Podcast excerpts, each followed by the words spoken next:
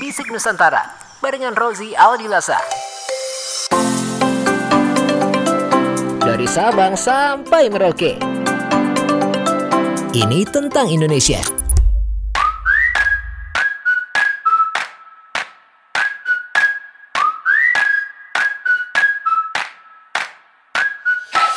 Halo, halo semuanya. Assalamualaikum warahmatullahi wabarakatuh. Apa kabar teman Nusantara? Balik lagi barengan sama Rozi Awadilasa dan di podcast Bisik Nusantara kali ini seperti biasa ya. Kita bakal ngajakin lo jalan-jalan secara podcast, secara virtual mungkin ya.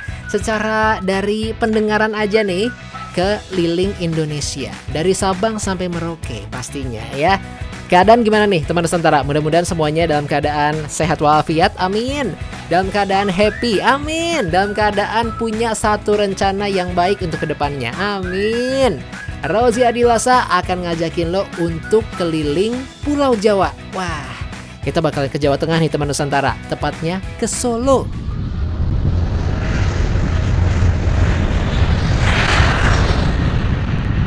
Jadi di episode kali ini di Bisik Nusantara kita bakalan ngomongin tentang sejarah kota Solo. Tenang, tenang, tenang, tenang. Lo kayaknya kalau udah denger sejarah kayaknya udah udah siap tidur gitu.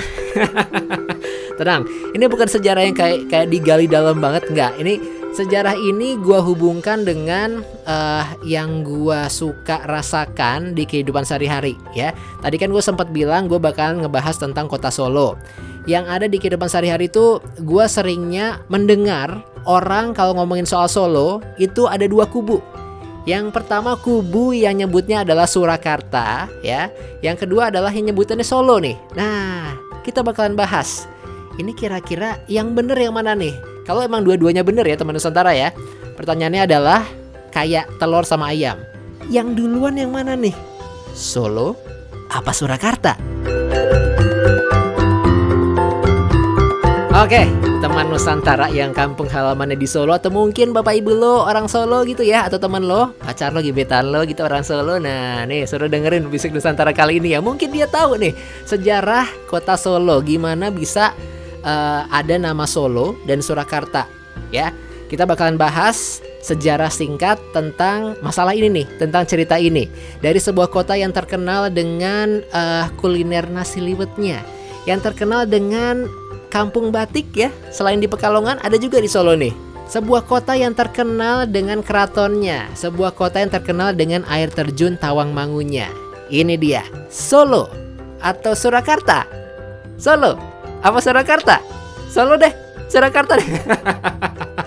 Dua-duanya lah, dua-duanya bener ya, tapi kita bakalan bahas kira-kira duluan mana nih?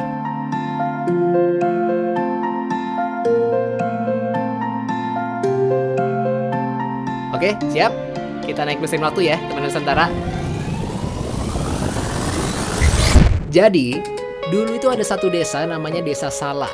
S-A-L-A. Ya orang Jawa bilangnya Solo sih ya. Sala, Desa Sala. Sebuah desa kecil yang ada di Jawa Tengah nih, teman Nusantara. Dan kebetulan letaknya, lokasinya itu ada di dekat sebuah desa, sebuah kota ya bernama Kartasura. Di mana di desa itu, di tempat itu di Kartasura itu ya, ada sebuah keraton dan merupakan pusat pemerintahan Mataram. Dan waktu itu ada sebuah gerakan pemberontakan yang gede banget yang terjadi di uh, pemerintahan Kota Mataram nih, teman Nusantara. Insiden pemberontakannya sendiri dinamakan geger pecinan. Kenapa geger pecinan? Jadi gini, dulu ya ada etnis Cina yang ada di Mataram ya melakukan sebuah gerakan pemberontakan karena mereka ngelihat kok kayaknya uh, pemerintahan Mataram nih ya sama keraton Kartasura ini kok kayaknya akrab banget nih sama yang namanya VOC Belanda ya. Dan keakraban itu mereka uh, berpikir nggak punya satu keuntungan untuk mereka. Nggak bisa kasih satu manfaat nih untuk warga Cina pada saat itu. Jadinya mereka merancang sebuah pemberontakan ini geger pecinan ya. Dan akhirnya gerakan ini memberikan satu efek yang luar biasa banget ke keraton Kartasura pada saat itu. Gerakannya sendiri dipimpin sama Sunan Kuning. Nah, untuk efeknya sendiri nih dari gerakan pemberontakan geger pecinan itu teman Nusantara ya. Akhirnya semua orang yang ada di keraton Kartasura ini terpaksa harus ngungsi dulu ke Ponorogo. Karena udah dianggap nggak nggak aman lagi ya Sunan Pakubuwono II langsung ya barengan sama tim-timnya nih ibarat kata. Mereka pindah tuh dari Kartasura ke Ponorogo terlebih dahulu.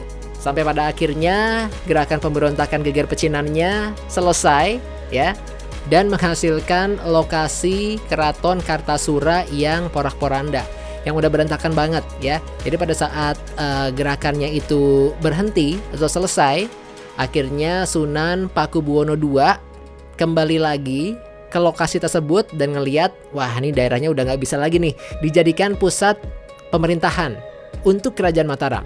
Akhirnya Sunan Pakubuwono II ya sebagai pemimpin uh, keraton pada saat itu uh, punya satu ide untuk pindah aja deh. Kita nggak bisa lagi di sini. Kita harus pindah cari lokasi baru untuk pusat pemerintahan kerajaan Mataram. Ada tiga opsi nih teman Nusantara yang dikasih ya pada saat itu. Jadi opsinya adalah ada Desa Kadipolo.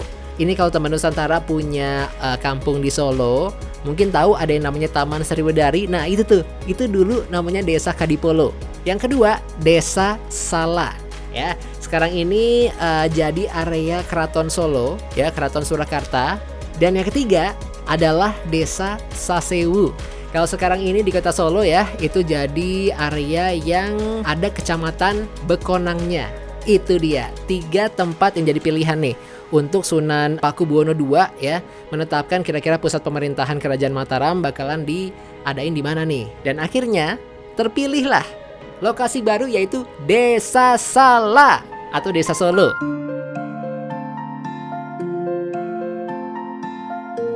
Sebuah desa kecil di Jawa Tengah yang akhirnya dijadikan pusat pemerintahan untuk kerajaan Mataram nih oleh Sunan Pakubuwono II. Terus warga atau uh, penduduk setempatnya gimana dong? Mereka diusir? Enggak, enggak, enggak. Mereka bakalan tetap stay di sana ya. Bahkan nih untuk Sunan Pakubuwono sendiri ya udah menyiapkan uh, uang atau hadiah untuk mereka sebagai bentuk ganti untung, bukan ganti rugi ya. Ibarat kata ini adalah sebuah hadiah lah, sebuah hadiah untuk para penduduk aslinya Desa Sala ini ya. Udah mau, udah rela ya kalau daerahnya atau desanya dijadikan lokasi untuk pusat pemerintahan kerajaan Mataram yang baru. Nah, untuk berikutnya Sunan Pakubuwono II ya, ini memutuskan untuk mengubah namanya nih teman Nusantara. Jadi kan awalnya keratonnya adalah Keraton Kartasura ya atau Kartasuro. Kartosuro. Nah, itu dia. Kartasura. Terus kayaknya kalau pakai nama ini nggak asik nih, C. Mikirnya gitu. Jadi Akhirnya diganti ya dengan nama Surakarta. Idenya adalah dibalik dari yang sebelumnya Kartasura.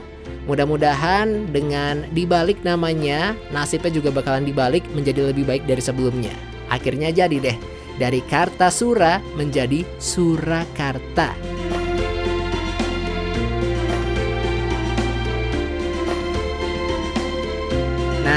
gitu ceritanya tuh teman Nusantara ya antara Solo dan Surakarta.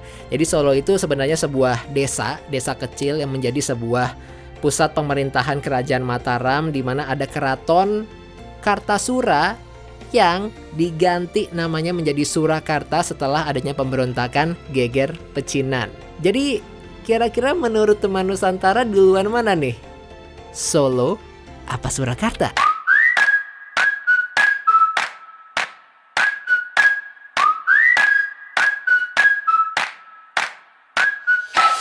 Makasih banyak teman Nusantara ya.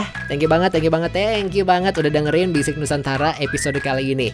Mudah-mudahan uh, kita semua diberi kesehatan terus ya. Terus dikasih kesehatan sampai akhirnya kita bisa ketemu lagi nih di episode-episode yang lain di podcast Bisik Nusantara ya. Rozi pamit teman Nusantara, jangan lupa untuk cinta terus sama yang namanya Indonesia. Wassalamualaikum warahmatullahi wabarakatuh. Dadah. Terima kasih banyak teman Nusantara udah dengerin Bisik Nusantara. Gue Rozi Adilasa, kita ketemu lagi lain waktu ya.